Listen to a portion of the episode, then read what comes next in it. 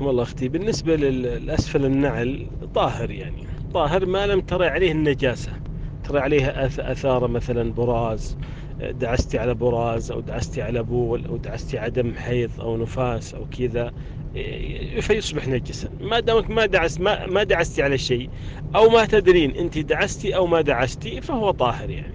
سواء ارتفعت يعني أحد الفردتين فوق الأخرى مثل ما ذكرتي بالسؤال أحيانا عندما تنزعين النعلين أو, أو لم ترتفع إحداهما على الأخرى. لا يضر هذا.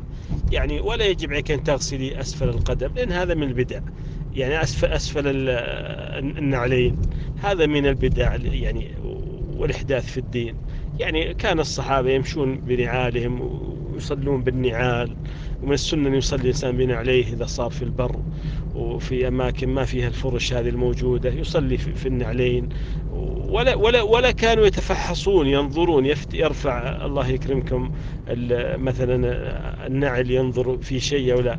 يصلي على حاله. إن رأى, إن رأى شيئا إن رأى شيئا يعني نظفه ومسحه. النعلين ما تغسل إنما تدلك بالأرض. يعني تدلك بالأرض حتى حتى يذهب ما فيه من الأذى.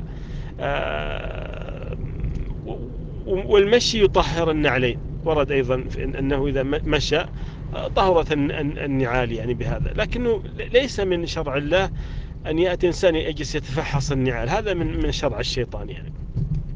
فالإنسان يعني ما يتكلف ويتشدد في الدين ويأتي بهذه الأمور المحدثة. آه، أيضا آه، يعني ثبت عن النبي صلى الله عليه وسلم أنه صلى بالناس مرة فلما أكمل ركعتين آه، جاءه خلع عليه فخلع الصحابة نعالهم كانوا يصلون بالنعال. فقال له فلما سلم قال ما, ما, ما لكم خلعت نعالكم؟ قالوا يا رسول الله رأيناك خلعت فخلعنا.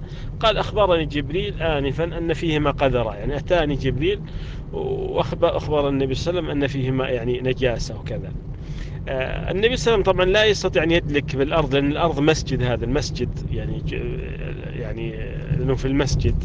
آه، أيضا فيها دليل أنه ليس من الشرع الله أن يتفحص الإنسان عليه وإلا كان تفحص النبي صلى الله عليه وسلم عليه قبل الصلاة قبل أن يصلي. المهم هذه الأشياء هذه من التكلف والتنطع فابتعدي عنها ولا ولا تهتمين